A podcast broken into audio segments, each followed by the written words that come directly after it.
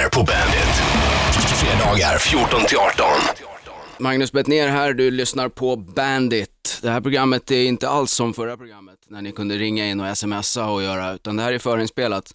Eh, lite senare ska vi snacka om Gaddafi, det är väl lite av en chansning i och för sig eftersom det är just förinspelat. Det är väl rätt stor risk att han har fått en kula i bakhuvudet så här framåt fredag efter hans tal i tisdags. Så det är bara att hoppas att han hänger i fram till fredag klockan sex när det här programmet är slut. Jag vet inte om ni såg talet, det är en riktig klassiker alltså. Typ en och en halv timme stod han där och bara skrek om att alla var hundar och råttor och för säkerhets skull katter också, om man ska tro översättaren i alla fall.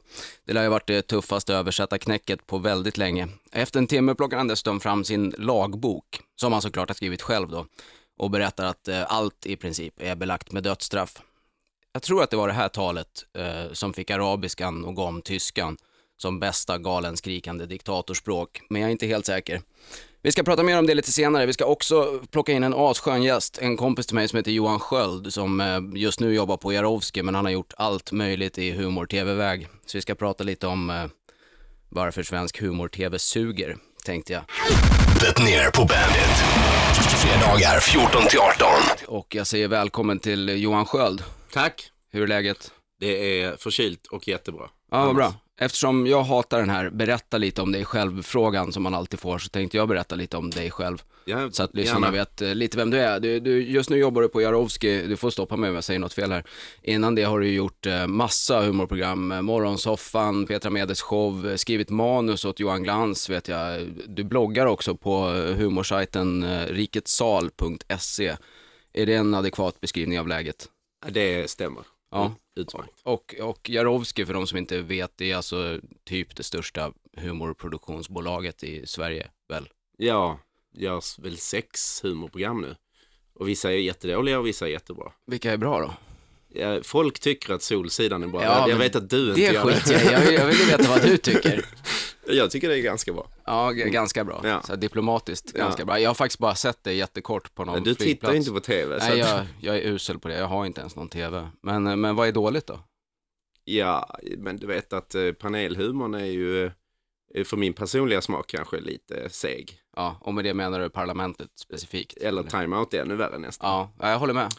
Eh, men var, varför är det så då? Alltså, jag vet inte om du håller med mig, men jag tycker att det är bedrövligt dåligt klimat när det gäller humor-tv i Sverige. Ja, det är, håller jag ju med om. Det är lite lågkonjunktur för humor på ett sätt samtidigt som det är jätte, jättehett.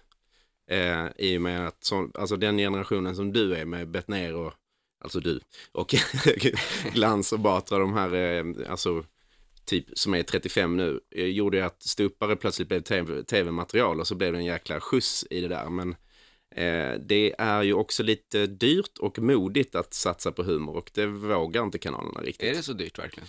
Eh, ja, alltså det beror ju på vad, allting beror på vad man jämför med. Nej men om man tänker så här, roast på Berns liksom, trycka Nej. in några komiker som får halvdåligt betalt och så är det 600 pers som man tar biljettintäkterna ifrån och så tar det en dag att spela in två avsnitt och så säljer man lika mycket reklam. Nej, ja, som- ja, jag tror inte att det är sådär himla dyrt, men sen så är det också, ska du göra någonting riktigt, riktigt, riktigt bra, och då menar jag som i, kanske, om vi nu, som vi kanske kommer komma in på lite Daily Show bra eller sådär, som Ja. jag inte tror är astronomiskt dyrt, men det kräver att det är ganska många människor som jobbar med det. Jo, det, och det är väl det som jag känner att man har missat kanske. Att man tror att så här, nu ska vi göra en svensk The Daily Show, men vi har inte råd att betala någon redaktion. Ja, Så sitter det någon praoelev där och skriver några ja, ja nej men det, är, alltså, det finns ju folk som kan skriva eh, på ett visst sätt, men det, det är ju de här små extra detaljerna som jag tror, om vi då tar Solsidan som jag sa var bra, det, det funkar ju för att man har lagt lite extra på finishen. Daily Show, när Craig Kilborn, känner du till honom, hade det, Nej. Ni- 96 till 98 hade han The Daily Show. Det var inte ett bra program och det var inte alls politiskt. Det är ju det är som att jämföra med om Peter Settman har elfte timmen eller du skulle ha elfte timmen som gick innan valet. här. Ja, jag, men- jag, jag, Men det, är väl det, det, är väl, det är väl den senaste försöket att göra en svensk Daily Show. Schyffert var väl före med sin eh, Veckans Nyheter. Ja, och där bygger det ju lite på att man är intresserad också. Jag tror eh, i USA då, Jon Stewart var intresserad av att spetsa till det och göra det mer satiriskt och väldigt kunnig. Eh, Peter Settman är intresserad av att gå så mycket mittfåran som man bara kan. Och Henrik Schyffert han tycker ju politisk humor är det tråkigaste som finns. Ja. Och då är det någonting som syns i, i svensk, alltså är det någonting som syns i tv överhuvudtaget så är det engagemang. Jag vet inte om ni har sett, det är någon sån här norsk överlevare som går på tur, som är ute, eh, ute och går genom hela Nordnorge och Kalotten och där vad, vad det nu heter. Och han är så entusiastisk så han håller på att avlida. Och det är ju det man vill, alltså man vill se folk som brinner det de gör tv om. Och det gäller ju allt från så här banala små program till inte minst humor. Men humor är ju också så, alla får lov att tycka om det. Ja. Det är det som är problemet lite. Det är så sub- alla vet vad som är roligt. Men Ja. de har ju inte en jävla aning. Det gäller väl kanske tv generellt i och för sig. Eller all typ av, inte vet jag. Det är som de säger, alla är kritiker nu för tiden. Du har jobbat bland annat med Morgonsoffan och Petra Medes eh, show. Ja. Eh, de fick ju ganska blandad kritik de programmen. Var... Ja, morgonsoffan, jo, det, jo, morgonsoffan skulle göras till kaffeved, så det var väl oerhört sågat i vissa tidningar, men det var väl ändå ganska hyllat. Vi eh, hade ju ett väldigt brett uppdrag där, och det, det problemet blir när man får det av en kanal, du ska göra, ha ett brett uppdrag, då kan man försöka göra lite grejer som är satiriska inemellan i smyg, men oftast så försöker du Ja, folk som slår sig och sån där humor må- måste ju, måste ju in i sådana program då. Det är aldrig fel. Men är inte det lite av eh, sjukdomen som finns inom svensk tv-humor? Att, att formaten ska vara breda och så säger de så här, när de ringer, i alla fall till mig, så är det så här, nu ska det vara vasst och hårt och det är ingen som verkar Men veta vad... brett. Ja, det, det är liksom ingen som ens verkar ha en idé om vad som är vasst och hårt, utan det är bara så här, nu kan du säga vad du vill här och sen när man gör det så bara, oj, ja det där kanske inte, eller eh, nej, och så blir det bara någon slags Nej, men och det är ju det stora problemet för återigen, eh, om, om jag var som dig så skulle det ju vara mycket roligare att prata inför folk på en teaterscen när man får säga vad man vill. Men det är klart att skulle du vilja göra tv skulle du kunna göra det. Problemet Ja. är att folk kommer ju ofta till dig och då så tänker de att men vi ger honom fria händer fast inte riktigt utan vi måste styra honom där det blir lite jobbigt. Och Ja. då, då funkar det ju inte plötsligt utan då Nej. tar man ju bort det som är du. Och, och eh, om man då tar Petras program som vi gjorde, det var ju ett, ett underhållningsprogram. Men vi lyckades ju faktiskt eh, göra grejer som fick genusvetare på Stockholms universitet att slå frivolter av glädje när hon objektifierade manliga gäster och sånt och var kvinnlig programledare. Och det är precis så samhället ser ut fast tvärtom. Och det Ja. var ju eh, men det var ju någonting som vi gjorde för att vi tyckte det var lite kul. Det var ju ingen som märkte det på kanalen. Utan, men, men, men, men ja, nej men det, så är det ju med humor också. Det är ju hög risk lite grann. Bägge de två programmen du nämner, vissa gillar och vissa hatar, så är det ju. Men varför är man så rädd för risken då? För jag, min, min känsla är ju att om någon vågade göra ett riktigt eh, smalt program så skulle det till slut bli brett. Alltså kolla på eh, Killinggänget till exempel. Det måste ju vara en av de smalaste produktioner som någonsin har gjorts i manegen. Ja, absolut, och det var liksom, jag vet inte, för mig tog det fyra program innan jag fattade vad det var överhuvudtaget. Och eh, jag tror att eh, det tålamodet har man saknat lite grann. Alltså trot eller ej, men TV4 har ju varit en sån kanal som haft lite tålamod med vissa komiker för länge sedan ska jag säga.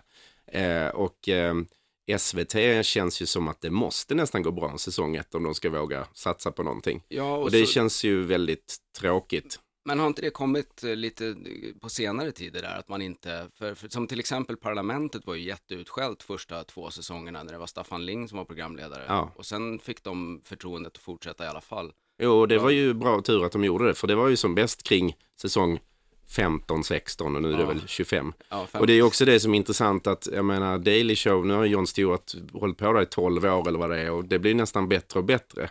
Och det Ja. känns ju som att ofta så, jag vet inte om det är en tradition eller någonting, men att de lyckas hålla igång program länge och göra dem bättre. För vår del så är det liksom respirator från säsong två och framåt, hur man än... Ja, men sen, jag tror också att det är ett stort problem det där med att man har så små redaktioner. Alltså om man tar ett program som Morgonsoffan, hur många hade ni i er redaktion där? Det var ju Ola Norén och Ola Söderholm och jag. Och sen så skulle ju komikerna skriva själva och all respekt, men det är inte alltid er bästa gren. Nej. Så, så att, eh, eh, men så tror jag också som, som eh, du och jag inte har pratat om hittills, men som vi har pratat om när vi har setts ibland. Och det är att ibland så är det ju viktigt att man gillar dem man ska jobba med. Ja. Alltså att det kanske inte funkar med en redaktion alltid.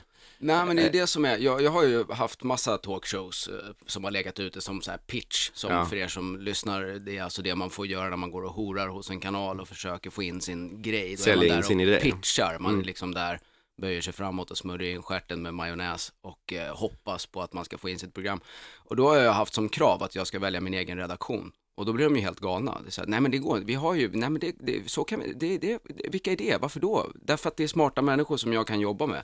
Ja, nej men det blir krångligt, det, blir, det, det här blir, de vågar liksom inte, varför?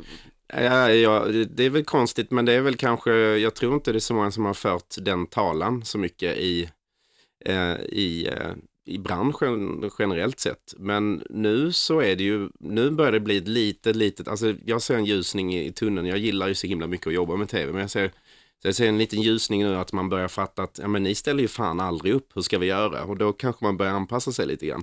Eh, Det är inte pengarna, alltså för många, många komiker är det ju inte pengarna, jag vet det. För Felix Herngren och Johan Rheborg är det ju pengarna, men för, för de flesta komiker är det ju inte pengarna, utan de, de har en viss konstnärlig ambition också. Alltså i ärlighetens namn så tjänar man inte särskilt bra på att göra tv jämfört med allt annat man gör när man Nej, har kommit en bit upp i karriären. Liksom. Nej, ju- nej, ett utsålt Kina är ju liksom, eh, Ja, då får man göra mycket tv för Ja. att dra in de pengarna. jo men precis. Det- Sen å andra sidan, du gillar ju att nå ut till människor och få dem att tänka. Och tänk så många du skulle få att tänka om du gjorde ett tv-program. Så det Ja, går ju jo, vända det, är- på. det, det är ju därför jag horar runt liksom. och jag gör, gör ett och annat som jag egentligen inte kanske skulle vilja hålla på med. Det är ju för att få synas, så att jag får Precis. snacka med folk live. Liksom. Men det är inte alla Sen, som har sen, den. sen hoppas man ju lite som, jag vet inte, Tankesmedjan eh, som i Sveriges Radio då, som är ett program där, eh, är ju, tror jag, väldigt framgångsrikt. Och de vågar ju verkligen prata eh, om sådana ämnen som man aldrig skulle ta i tv. Ja, det känns lite som att radio ligger i Framkant, att, att, att de leder när det gäller satir. Inte bara det programmet utan även andra humorprogram. Att de vågar vara lite Ja. smalare och, Och de, de har ju traditionellt varit en plantskola, men det känns som återigen, där är också en sån grej som att det börjar bli, man tar inte gärna någon succé från P3 och lyfter upp i tv, det börjar bli försiktigare där också Ja. till, till viss Men, men var, varför då? Liksom? Det är så Ja, jävla det- korkat. Det är ingen aning om. Det finns ju... Varför är alla som jobbar med tv muppar? Det är Ja, det som ja, är ja min, precis. Ja, det är det, som är min fråga. ja. Ja, Jag håller ju med till stor del, men eh, jag har ju valt att grotta i skiten istället. Ja. Men det finns ju, det är ju TV11, det är ju liksom, det finns väl ingen sjua och tian är sport, men det är ju nästan 11 TV-kanaler. Ja. Och flera av dem skulle ju säkert, ja du Ja, kunna men sitta desto, och stö- desto större anledning att Ja, men göra, det är ju göra för- något för- smalt på någon av de där För Daily. Show, Daily Show är ju ett kabelprogram Ja. och ett väldigt stort kabel-tv-program. Ja. Så att vi har ju små kanaler att lägga sånt på om man vill testa lite. Det borde göras. Vi ska snacka mer om både tv och vi ska snacka lite stand-up och vi ska snacka lite om din, eh, ditt bloggande på Rikets Sal tänkte jag. Ner på Bandit. Varje fredag 14 till 18. Varför är det så att alla tv-chefer är dumma i huvudet?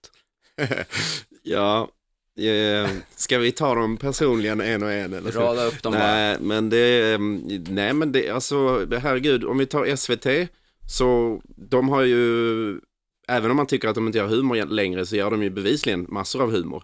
De har gjort, låtit Klungan göra Ingen bor i skogen som var extremt smalt. Och jag tror inte en jävel läste deras manus när jag snackat med killarna har de sagt det.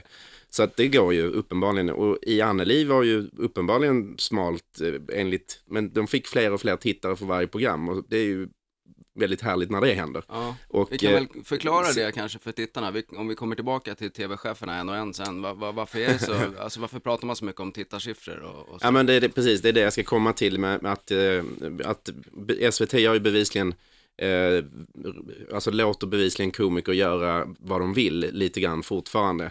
Men de, det känns som, som att de blir mer och mer tittarsifferstyrda i sina programval och eh, jag vet att SVTs eh, topp två-chefer när det gäller underhållning där humor sorterar under, de vill ju hellre göra Nöjesmassakern än ett halvtimmes vad, vad humorprogram. heter de? Ja, det är Annie Wigelius eh, som ju älskar mig eh, och Martin Österdahl. Och de är alltså dumma i huvudet. Nej, men de gillar eh, stor och bred och härlig De underhållning. gillar Sven Melander. Nej, men de vill, de vill konkurrera med TV4, uppenbarligen. Ja, för men- det ser man ju, för minuten tycker jag är ett CP-TV-program, det är Ja, ju... Det har jag inte de- sett faktiskt, vad är Nej, det? nej, det är att, det är att eh, man blåser små pingisbollar i vattenglas och sådär, så har man en minut på sig. Det är bra TV. Och det går då 20.00 på söndagar, som, Ja. som eh, mot, mot Solsidan får storstryk såklart, för att hur kul är det när någon skjuter en penna med knäna? Ja, det liksom? finns ju roligare hål att skjuta med om man ska göra tv, men det får Ja, bli det- det- senare och på det- kvällen ja, i så fall. precis. Men ehm, nej, så jag tror eh, det, det handlar nog lite om att eh, lite ointresse i det fallet. Och när det gäller eh, trean, fyran, femman så hittar de andra sätt. Och, alltså Sverige har varit ett föregångsland när det gäller att komma på format som det heter, alltså när man gör ett program och så ser det likadant ut över hela jävla världen. och eh, det känns ju som att eh, man mer och mer i kommersiell tv vill köpa in succéer från andra länder Ja. och göra dem i Sverige. Och där första- finns ju inte humorn, eh, där är plats. För att humor är ju inte bra om det är format oftast. Det är ju alltid den första frågan man får också om man kommer till någon tv-gubbe med en, eh, med en idé. Ja. Vad, vad, vad har ni baserat det här på? Liksom? Ja, vad, vilken är förlagan? Så här, ingen, vi har kommit på den själva. Och något vi tycker är kul Ja. räcker inte riktigt. Nej, det, det går inte. Det är osäkert. Vi har inte gjort någon målgruppsanalys för det här formatet, så det funkar inte. Ja, och där är återigen med målgrupper att liksom, det är ju ålder och kön man mäter. Och det gör man inte, nå alltså det finns inte ett företag i världen egentligen. Och det är ju de som betalar dyra pengar för tv-reklamen som säger, nej men jag vill ha alla 15-44-åringar, spelar ingen roll om det är white trash-idiot eller en välutbildad kille på 35. Men varför är det just den gruppen, alltså 15-åringar, är det deras föräldrar som har pengar då? Är det man Nej, ja, ja, det, det kan inte jag svara på, men jean, jeansköparna som man kallar dem. Jag de tänker det är alltid- ju rätt stor skillnad på en genomsnittlig 15-åring och en genomsnittlig 40-åring. Ja, jo, det är ju det. Men jag, förmodligen så handlar de väl mycket. Det är väl därför smurfhits finns. Det köps ju mycket skivor. Nej men alltså, det, det, det, det handlar ju om att eh, föräldrarna köper det. Alltså Ja. det är ju typ de två bäst säljande skivorna på 90-talet är ju smurfhits. Det måste ju vara att det köps starkt med små På kids. minuten är tvs motsvarighet till smurfhits liksom. Eh, ja, minuten ja. På Ja, på- minuten på radion är ju Jaha, det är klassik. minuten. Minuten heter det. Men, Vem men är det eh, som håller i det? Peter Settman. Ah, allt han tar, tar, i blir till bajs. Han, han är så kass. Ja, men jag, jag tycker han är en ganska bra programledare om jag nu ska vara lite så här tv-människa. Men eh, Ja. jag, jag tycker ju, Jo, men det fattar man väl att folk tycker, annars skulle han väl inte ha så mycket jobb. ja, nej, men nej, jag tycker precis. att han är kass. Ja. Och, det, och där är återigen det här då. Jag tycker Grotesco i år har varit bland det bästa som har varit på humor-tv. Ja. Men eh, det är ju inte, det är ju ändå, det var en framgång eh, tittarmässigt också. Men det är ju inte miljonpublik. Och Nej. det, jag tycker, alltså, jag Men tror inte det det, finns... det? Alltså, Nej, jag menar- precis. Jag tror inte att bra humor ses inte av mer än 300-400 000 tittare. Resten är kompromisser. Eh, Jag tror allting annat är kompromisser om det blir mer än det.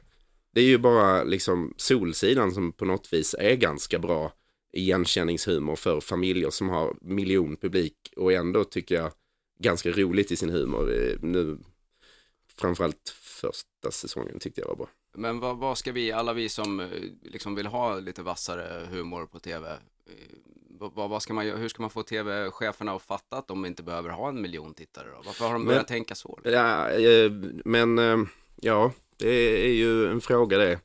Särskilt public service kan jag tycka som inte Ja, ja men jag kan hålla med, särskilt public service och särskilt public service när det gäller en sån grej som drama. Det är svindyrt men det är asmånga som kollar. Det finns ju ingen bättre public service än drama. De gör ju nästan ingen drama längre. Nej, Det kan jag tycka är dåligt public service-mässigt. ja. Eh, Att man istället då ska göra eh, minuten och sådana program.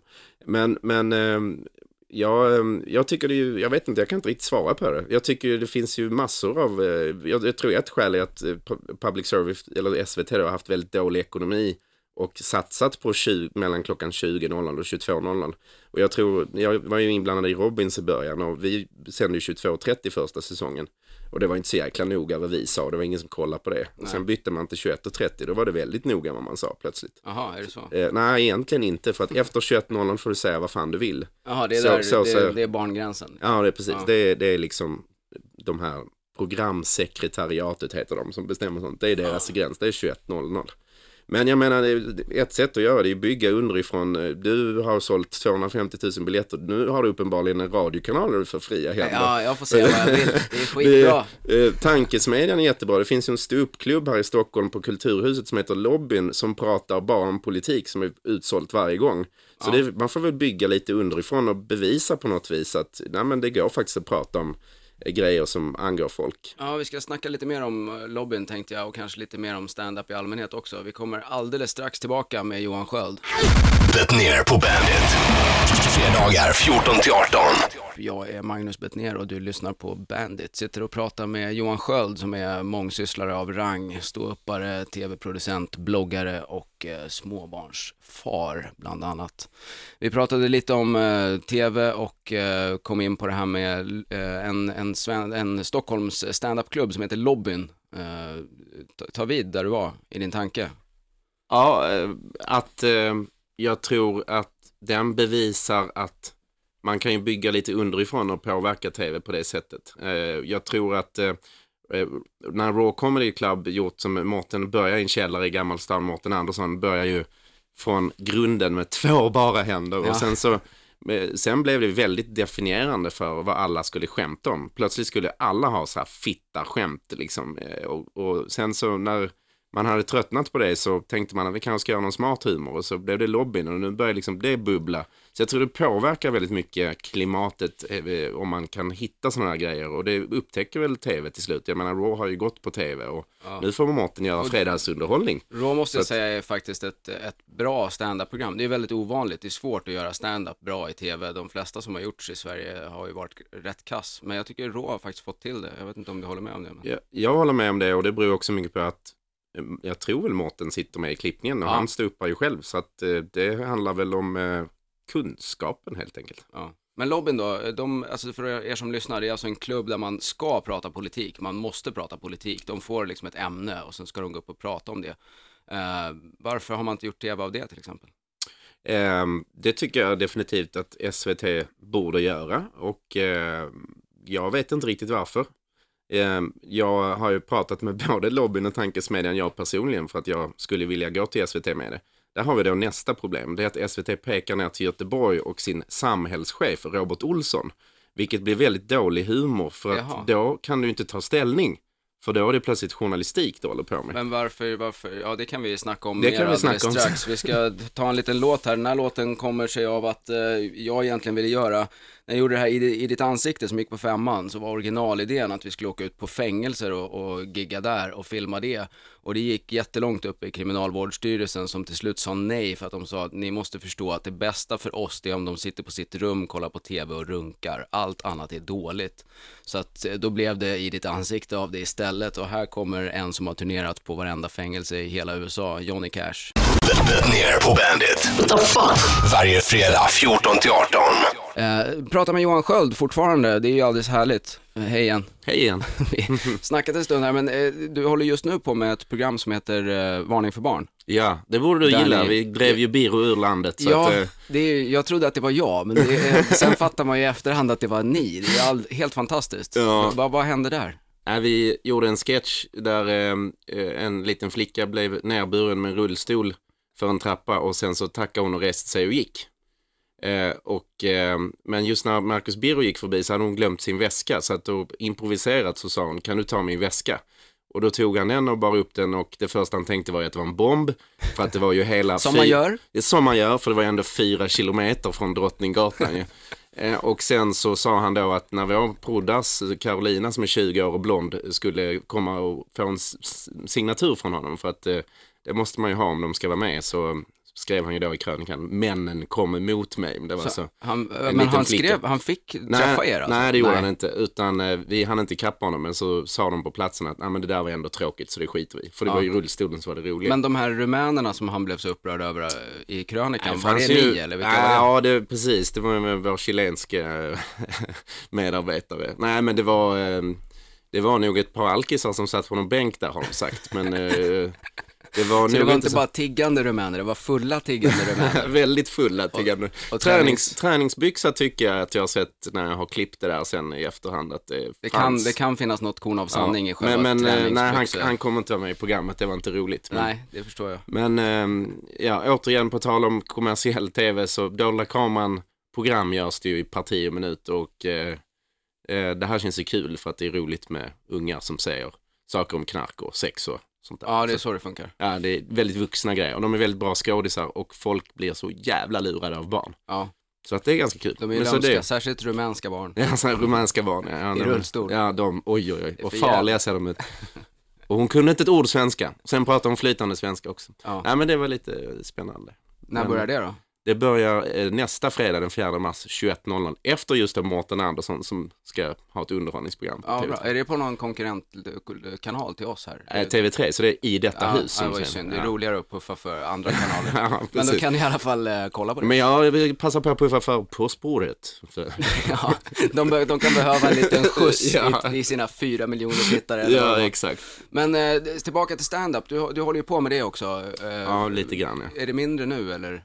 Ja, alltså det handlar ju också om jag kan inte riktigt konkurrera med att stå uppe varje dag. Det man behöver ju nästan är för att utvecklas, eller fyra gånger i veckan eller tre gånger i veckan. För att jag har ju familj och jobb och, som jag Ja. jobbar med 60-70 timmar i veckan. Så att eh, det har blivit lite mer baserat på kul grejer, som lobbyn gör jag och Ja. lite roliga klubbar eh, om de är roliga. Vilka är det som är, bra nu då? Jag har varit så lite på klubbarna själv så jag har liksom ingen koll på vilka komiker som kommer. Som Ja, är, liksom- det här blir oerhört smalt för de som lyssnar, men det Ja, finns men en det- li- det vi liten, liten, liten ståuppklubb som heter El Mundo som jag tycker är jättetrevlig och där brukar jag vara ibland. Ja, Jag tänkte mer på eh, komikerna. Alltså komikerna. Vilka som jag ska har hålla ing- utkik för. Jag har ingen koll på de nya. Jag är ju kvar fortfarande vid, vid eh, Jonathan Unge och sånt. Men när vi pratar, eh, pratar lobbyn så tycker jag ju, det finns en kille som heter Erik Hultqvist som gör ju ett, eh, Ja, honom har jag sett också. ett högerspöke tio gånger roligare än någon annan som försöker sig på att göra ett högerspöke. Ja, han var jävligt skön faktiskt. Ja, så han är väldigt bra. Ja, han skulle ju definitivt vara en kandidat om han gjorde ett Daily Show i Sverige. För att Ja. det skulle kunna bli väldigt roligt. Men gör du då? Du Ja. sitter ju där på en säck med pengar på något produktionsbolag och bara kan hova in. Det är ju fan bara ta, in, ta tag i honom och, och sätta igång. Ja, precis. Men det är ju, där är det ju återigen att du, du vet när elfte timmen kom till så tvåa kom ju Måns Nilsson med ett program, med honom som programledare. Jag vet inte om han är så intresserad av satir. Men det är ju klart att SVT, man får välja mellan Peter Settman och Måns Nilsson, att Ja. de väljer Pe- Peter Settman. Det är klart, han Det har snyggast kostym. I, kanske. Eh, nu ska vi se här vad vi skulle göra. Jo, vi, vi, jag tror kanske att vi, eh, vi har snackat klart här. Nej, vi har inte alls det. Vi ska prata om din blogg också. Du håller ju på och bloggar. Du har, hade ju en egen blogg som Ja. jag läste med stort eh, intresse för att du verkligen vågar säga vad du tycker om olika komiker och sånt. Men nu har du slutat med det och börjat blogga istället. Ja, det blir så jäkla många förlåt, det är inte dig personligen och, och sådär. Så att jag, ehm, eh, det är bara för att kunna jobba överhuvudtaget så, så kände jag att ehm, och så plus att jag tappade ju massor med läsare när jag slutade vara rolig, utan bara vara bitter. så att eh, jag, även om ofta tycker man det är roligt när någon säger vad de tycker i bloggar, det är ju därför man läser dem. Men, men eh, det handlar om att jag slutade vara rolig och sen så Rikets Salgänget, det finns då riketsal.se, en blogg där det är en humorblogg, man måste vara rolig när man skriver och sen är det många som skriver och då kan man ju skriva Är det de här Malmö-komikerna som Ja, precis. Ja. Och det är ju också en, eh, eh, Eh, ja, det är ju, de är ju ganska många och, och smarta. Eh, smarta låter ju, de är ju dumma i huvudet allihop, men det är ju, de, de, de försöker skämta med lite smartare grejer i varje fall. Eh, Ja men då slutar vi med att tipsa lyssnarna om att de ska gå in på Rikets sal och eh, jättetack för att du kom hit och Nej, det var idag. jättekul, jag tycker du gör det här jättebra Magnus. Ja tack. Det känns tack. bra. Jag har just fått höra från, eh, från chefen att jag gör alla fel man kan göra i radio. Så att det, känns, det känns skönt att höra. Och, det, och, det, och kolla, när de ser lyssnarsiffrorna, det är då som, du Ja, vet. vi- får se Ja. hur det blir, men det är kul i alla fall. Tack så jättemycket för att Kul du kom. Nu ska vi dra iväg en låt till. Det är PJ Harvey. Det ner på Bandit. Fredagar 14 till 18. En annan som gör så gott hon kan, det är ju Kissy. Hon har gått ut och gjort lite nazism nu i veckan. Eh, det var Nyheter 24 som publicerade någon video med Kissy där hon är ute på promenad med sin brorsa för att dela ut klistermärken. Och det är ju inga problem med det, om det nu inte vore så att klistermärkena var från NSF, alltså Nationalsocialistisk front. Det är alltså inte nynazister vi snackar om här, utan det är den gamla sorten som vill bygga tåg genom Europa för att utrota oliktänkande. Eh, och vi får också veta i den här videon att vi blir jättekåta på döda kadaver. En fetisch som är en mix av nekrofili och tidelag och ligger just i gammelnazisternas fotspår. När Kissy konfronterades med den här videon så visade hon sin toleranta sida genom att kalla reporten för en jävla horbög. Ett ord man inte har hört på länge. Hon hotar honom både med spö och att stämma honom. Alltså först med spö och sen en stämning. Det känns lite som att man eh, kanske borde välja en väg där. Antingen går man all in med spö eller en stämning. Eh, I kombination känns det som ett väldigt svårvunnet rättsfall. Speciellt om man använder sina nazistkompisar för att spöa upp någon som skrivit att man var nazist efter att ha delat ut nazistiska frimärken. Jag vet inte riktigt. Hon säger att hon ska stämma den här journalisten i alla fall på så mycket pengar att han inte ska kunna ta en taxi hem, vilket förmodligen betyder att hon har sett lite för många avsnitt av Gossip Girl i och med att det är rätt svårt att få ut mer än fem spänn om man stämmer någon i Sverige. Men det är kanske inget konstigt med det. Det var rätt länge sedan Kissy plastikopererade ut hjärnan, vilket i och för sig inte var något jättestort ingrepp. Ner på Bandit. Varje fredag 14 till 18. FN eh, är ju lite sköna. De hade ju Libyen i sitt säkerhetsråd eh, ganska nyligen, som alltså är till för att upprätthålla internationell fred och säkerhet. Jag vet inte exakt hur man tänker när man sätter Gaddafi där. snubbe som tar in jetplan mot sitt eget folk. Men eh, FN har väl inte kanske haft så här jätte starka prestationer sista tiden. Ban Ki-Moon är väl kanske den svagaste rösten av alla som har gått ut och fördömt Gaddafi. Kanske förutom Bildt då, som gick ut och sa att eh, han inte ville välja sida i Libyen utan att han hejar på stabilitet. Sen ändrade han sig i och för sig och hejade på demokrati istället. Jag har ett tips där, Kalle. Om du hejar på demokrati så är inte snubben som styrt sitt land med järnhand i 41 år utan tillstymmelse till frihet för sitt eget folk din snubbe. Carl Bildt som så gärna vill vara Winston Churchill, varför kan han inte bara lyssna igenom några av hans tal? Där är det i alla fall inga uh, det handlar inte om att välja sida, uh, uh, det är lite mer hårda tag. Lyssna på honom, Kalle. Kadaffi är rätt skön, han ser ju lite ut som en blandning mellan Michael Jackson och Bobby Ewing, för er som kommer ihåg 80-talet. Det var ju också då Kadaffi var en superstjärna själv och var på nyheterna varenda dag, förra gången. Jag tror han blev kvar i 80-talet på något vis om man kollar på hans kläder. Lite som en sån här pundare som fastnar i språket när de började punda och sen snackar de sådär resten av livet. Karaffi alltså, han, är, han har ju tältat också. Han har varit och tältat i Kairo, i Rom, han har tältat överallt. Men han fick ju inte tälta på Manhattan, då försenade han bortforslingen av lite uranspill som hämnd. Så nu gäller det att hålla tummarna att eh, nedmonteringen av deras kärnvapenprogram från 2006 inte dröjer. Det är ju en kohandel som USA verkligen verkar hålla. Annars kan man ju undra om inte eh, det kan vara så att eh, Leva och Gaddafi är samma människa. Det är klänningen. De gillar inte folk som stör freden. De örfilar upp flickvänner och släpper flygvapnet på demonstranter. Leva, han heter ju egentligen eh, Sven Thomas Magnusson och Gaddafi, ingen vet ju riktigt vad han heter. Gaddafi, Gaddafi, Qaddafi. I april 1980 beordrade han i alla fall att alla dissidenter utomlands skulle avrättas och det var samma år som Di Leva hade sin skivdebut. Jag säger bara det. Det ner på Bandit. Fredagar 14 till 18. Big Brother har ju dragit igång igen, alltså såpornas såpa. Kan vi alla bänka oss framför en kanal vi inte visste fanns för att vänta på lite knull i rutan. Det är perfekt för alla efterblivna som inte har hittat till internet än. Det är alltså 2011 och ändå var det 350 000 pers som sökte sig till tvn i söndags för att få lite smaskens. Det verkar ju helt klart som att AMS gamla datakörkort inte har funkat. Och vad det klagas sen. Åsa Lindeborg var ju med i Big Brothers pressnatt där de låste in journalister och ett gäng självupptagna bloggare. Programmet är tydligen jättedåligt, det är hemskt och ingen människa ska någonsin behöva se det. Här är en idé. Skriv inte om det då! Men tydligen är det för mycket begärt att man ska ge upp sin egen byline-bild. Lika bra att passa på när PR-avdelningen från produktionen ber en att känna på hur det känns att vara inlåst bakis i ett helt dygn. Åsa Linderborg säger själv att det här var ett socialt experiment. Eh, men sen när de ska utföra uppdrag, då vill hon göra revolt och skriker ”Tänk Tahir-torget!” Snacka om att se ner på deras kupp kan man ju känna. Och sen var det någon snubbe som började prata engelska med honom, med henne och då blev hon fly förbannad. Hon tänkte inte prata engelska och det hänger ihop med hennes pappa och man ska inte liksom prata engelska av någon anledning. Så hon springer in i bikten och spyr galla där. Så hon har inte bara låtit oss få insyn i hennes vrickade mentalitet och översitteri och följer dessutom de spelregler hon kritiserar till punkt och pricka. Det tycker jag är härligt. Efter 24 timmar lämnar hon huset och skriver en krönika om white trash. Det är väl sånt där som man bara klarar av när man är kulturskribent på Aftonbladet. På Big Brothers hemsida kan man gå in också och önska uppdrag och kameravinklar man saknar. Det finns runt en miljard kameror i det här huset. Vad är det för jävla kamera man kan sakna? Vill man ha en kamera i själva fittan på någon, undrar jag. Ner på Bandit. What the fuck? Varje fredag 14 till 18.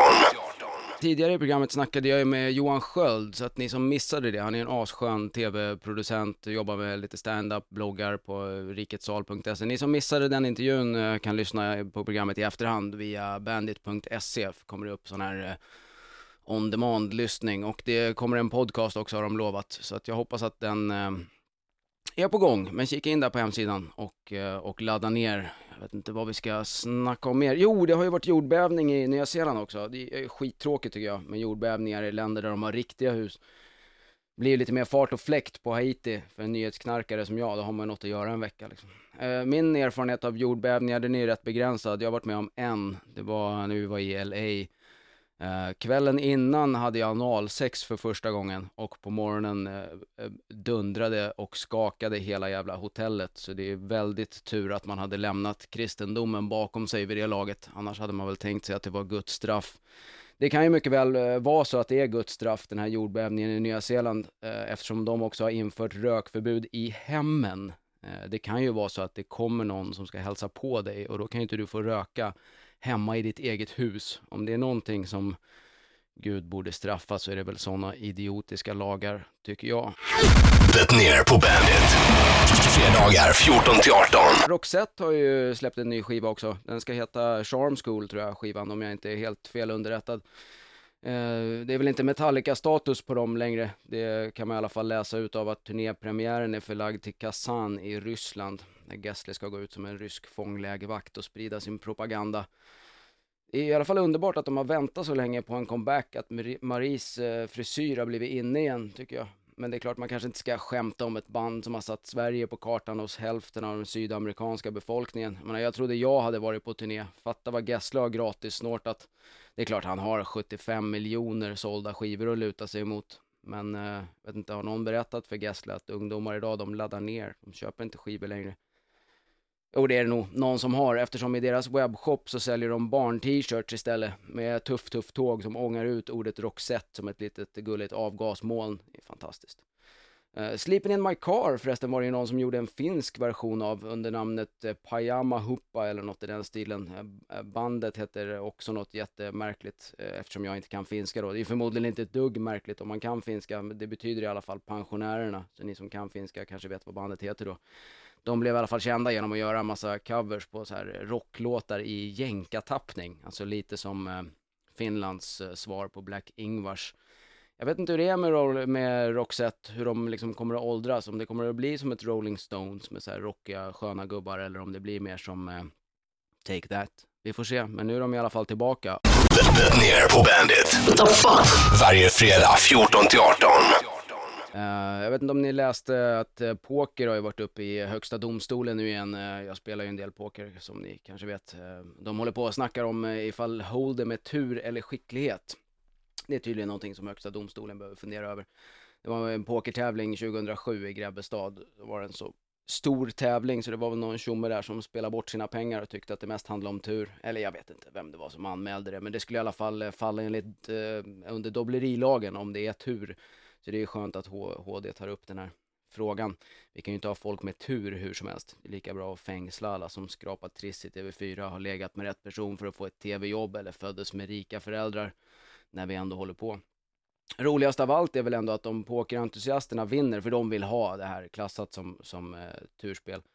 Eller som skicklighetsspel men jag. Idag är det ett, ett turspel tydligen. Om det blir klassat som skicklighetsspel då förlorar ju pokerspelarna fyra av de bästa ställena att spela på, nämligen statens kasinon. Eftersom de bara får bedriva turspel Dessutom kommer ju de här stackars pokerspelarna få börja betala skatt då. Det är någonting de är ytterst ovana vid än så länge eftersom pokern är skattefri inom EU för att det bedöms som ett lotteri. Blir det klassat som skicklighetsspel då får de regga firma, Flygande Floppen AB eller något, inte vet jag. Jag håller för min del tummarna för att det fortsätter att klassas som ett turspel så att kasinot kan ha kvar sin verksamhet för de som känner att de vill gå och spela tryggt och säkert under ordnade former och så kan jag fortsätta gå på svartklubbarna riskerar att bli rånad av en restjugoslav i träningsoverall, som jag alltid har gjort. Det ner på Bandit. Fredagar 14 till 18. Vi snackade lite TV tidigare i programmet med Johan Sköld som har jobbat som eh, producent på massa, jag glömde nämna en idé som jag har till honom där. Tänkte nu när alla de här diktatorerna faller till höger och vänster, varför inte sätta dem i ett Big Brother-hus? Det vore väl något. Det är klart, det blir kanske inte så mycket knullande men vilket socialt experiment. Eller i och för sig, Gaddafi har väl med sig både ett tält och en klänning, så det kan ju kanske hända lite grejer. Varför, varför finns det inte en enda kvinnlig diktator? Jag, jag, jag kommer inte på någon i alla fall sen typ Hatshepsut. Hur går det med jämställdheten egentligen? Vi har väl inte haft någon kvinnlig diktator? Ja, drottning Kristina kanske, jag vet inte. Och Thatcher var väl kanske på gränsen. Nej, jag vet inte. Peron, hon är vita, det kanske är en diktator. Men nu är det i alla fall väldigt, väldigt dåligt. Men trots det, varför inte stänga in dem i det här huset. Det kan ju bli ett spännande socialt experiment som de gillar. Ni vet när de börjar annektera varsin del av badrummet och börjar tjafsa om det. det kan bli spännande. Och sen är det bara att fylla på vart efter. Liksom. Här kommer en joker! Kastar de in nästa som har fallit bara. Denna veckas joker är Bashir, Bashar el-Assad, Syriens gamla diktator som de flesta av er känner igen från era sammanträden i Arabförbundet. Och då, så långt är det ju säkert lugnt. Sen kanske de kastar in Mugabe, då blir det väl värre med språket och sånt där. Då får de ju den första svarta diktatorn också, vilket eh, för övrigt är precis vad som har hänt i svenska Big Brother tror jag. Att de har fått in en, en svart, det är tydligen en grej, att det är en svart människa i Big Brother. Jag vet inte varför det skulle vara var en grej. Men det är det tydligen. Allting med Big Brother är en grej. Men jag, jag tycker uh, diktators Big Brother, in med det. Och Obama kan vara den här Big Brother-rösten. Det passar ju perfekt. Han har ju ändå snackat med dem allihop privat. Den som vinner får inte en miljon eller vad fan de nu får. De får ett pyttelitet land någonstans istället. Inte vet jag. Gotland kanske. Jag tycker det är en strålande tv-idé. Ner på Bandit. What the fuck? Varje fredag 14 till 18 jag vet inte vad vi ska snacka om nu. Jo, vi kan snacka om, eh, om eh, Gert Wilders, ni vet den här eh, muslimhatande runarkopian ifrån Holland. Uh, han var ju en av de gapigaste gaphalsarna för yttrandefrihet när Mohammed-karikatyrerna publicerades i Danmark. Men nu helt plötsligt så vill han tvinga någon holländsk radiostation att ta bort en teckning av sig själv. Det är tydligen någon teckning där han föreställer en lägervakt som leder, in i, leder invandrare in i någon dusch Eh, och han har blivit helt galen tydligen. Eh, någon slags karikatyrkontrovers 2.0 eller 3.0 eller vad vi är uppe i nu, 4.0 kanske. Lars Vilks har ju legat i rätt friskt senaste tiden. Nej, Gert Vilks är ju eh, på gränsen till, eh, till nazist såklart. Han, bland annat vill han att allt skit, skit är ju då invandrare, framförallt muslimer, ska samlas i ett containerläger. Jag vet inte exakt vad ett containerläger är överhuvudtaget. Jag vet inte om det ska förläggas till någon hamnstad eller man bygger på höjd eller om det är mer som något sommarläger som är inhägnat av containrar. Och jag vet inte när man släpps ut heller. Jag gissar att Wilders också har sett för mycket på Big Brother. Det är väl Värtahamnens containerläger, eller vad de nu spelar in det. Jag menar dit vi andra skickar folk vi inte riktigt står ut med i vanliga samhället. Och för hans del så är det som sagt muslimerna då. Eh, på frågan varför han har blivit antimuslim så har han eh, sagt att det var ett besök i Egypten 1982 som fick det att tippa över. Det var tydligen så jävla skitigt i Egypten 1982 och enligt Gert då så skyllde egyptierna det här på en sionistisk konspiration. Det är ju härligt. Och sen eh, drack han tydligen ett glas vatten från något marknadsstånd eller någonting och blev magsjuk i flera dagar. Och då insåg han att islam hade förstört världens en gång i tiden mest framstående samhälle genom att ha rånat muslimer på deras värdighet. Han kunde inte liksom läsa i guideboken att det är en jävligt korkad idé att dricka vatten ifrån ett marknadsstånd oavsett var man är utanför Norden. Men, jag vet inte. Han har i och för sig en legofrisyr som har rånat honom på all värdighet, förutom då hans idiotiska åsikter. Men som vanligt, yttrandefriheten gäller, men bara när vi hackar på muslimer, inte annars. Det ner på Bandit. Fredagar 14 till 18. Eh, läser precis att man eh, enligt ett nytt förslag från Karlgren eh, ska få 800 spänn i böter om man skräpar ner i Sverige. Det är väl kanske inget större fel i just det, men han har hittat förebilden till den här lagen i Singapore. Det är väl kanske fel land att spana på, ett land där polisen alltså har rätt att ta ditt tuggummi om du försöker smuggla in det i landet. För nedskräpning i Singapore får man i och för sig 1000 Singapore dollar i böter, det är väl, jag vet inte, 3-4 tusen spänn. Dessutom får man samhällstjänst. Det är lite hårdare tag. I mitten av 90-talet var det någon amerikansk student som hade vandaliserat ett par bilar med lite sprayfärg eller någonting. Han fick fyra månaders fängelse, böter och sex piskrapp. Korsa gatan utan övergångsställe, gå mot röd gubbe, spotta på gatan eller inte spola på en allmän toalett ger också böter i Singapore. Och där har vi nu alltså folk som letar nya lagförslag till härliga Sverige. Jag vet inte exakt eh, vad nästa steg kan bli här. Andas inte in din grannes luft. Förbud mot plast, glas, aluminium, gummi och dreads förmodligen. Eller varför inte det här härliga rökförbudet ifrån Nya Zeeland som vi snackade om tidigare. Där man alltså inte ska få röka hemma ifall någon kommer att hälsa på dig som inte vill ha rök så är ju det väldigt orättvist. Ner på fuck? Varje fredag 14 till 18. Norges eh, säkerhetspolis som har gått ut och sagt att de vill förbjuda iranska studenter att studera känsliga ämnen i Norge. Typ kärnfysik och rymdforskning är det väl Eh, för att man är rädd att de ska åka hem till Iran och använda det här till Irans vapen och atomprogram. Jag vet inte Norge vad de exakt har att erbjuda på den här fronten. Sitter de verkligen inne med just den info Iran behöver men ännu inte har lyckats gräva fram själv eller fått från eh, Ryssland? Jag vet inte vilka Norge skulle atombomba, valarna kanske. Det är ju lite som att Iran skulle gömma undan stickor och garn så fort norrmännen besöker Teheran. Man vill inte dela med sig av mönstren bakom lusekoftorna. Hur skulle det se ut? Det här händer medan Eva Björling drar till Libyen med svenska rymdbolaget för att kränga övervakningssystem. Vi har lite annan approach. Eh, Sverige hälsar glatt att vi tar emot alla studenter som man kan tjäna pengar på, oavsett vad fan de gör i sina hemländer. Det ner på Bandit. Fredagar 14 till 18. Uh, såg att uh, Billy Butt gick ut och försvarade Julian Assange. Det är väl helt jävla underbart när man är liksom anklagad för våldtäkt och får försvar av Billy Butt, en känd uh, rättshaverist och dessutom dömd våldtäktsman. Att han går ut och försvarar Julian Assange. Det är lite som att Fritzl skulle kalla Mark Dutroux som karaktärsvittne hela den här historien är ju så märklig. Liksom. Den första tjejen ville ha sex men med kondom och då har han tydligen legat med henne utan kondom och kommit eh, ändå. Eh, vilket ju är våldtäkt enligt svensk lag så vitt jag kan bedöma. Eh, tjej två vill också ha sex, också med kondom. Och när de har knullat klart, vilket de gör, eh, så kommer hon, ser hon att toppen på kondomen är borta och att han har kommit i henne också. Där har man gjort någon teknisk undersökning som visar att det med största sannolikhet inte är så att den har spruckit utan att någon, förmodligen Julian Assange då, har gjort eh, åverkan på kondomen.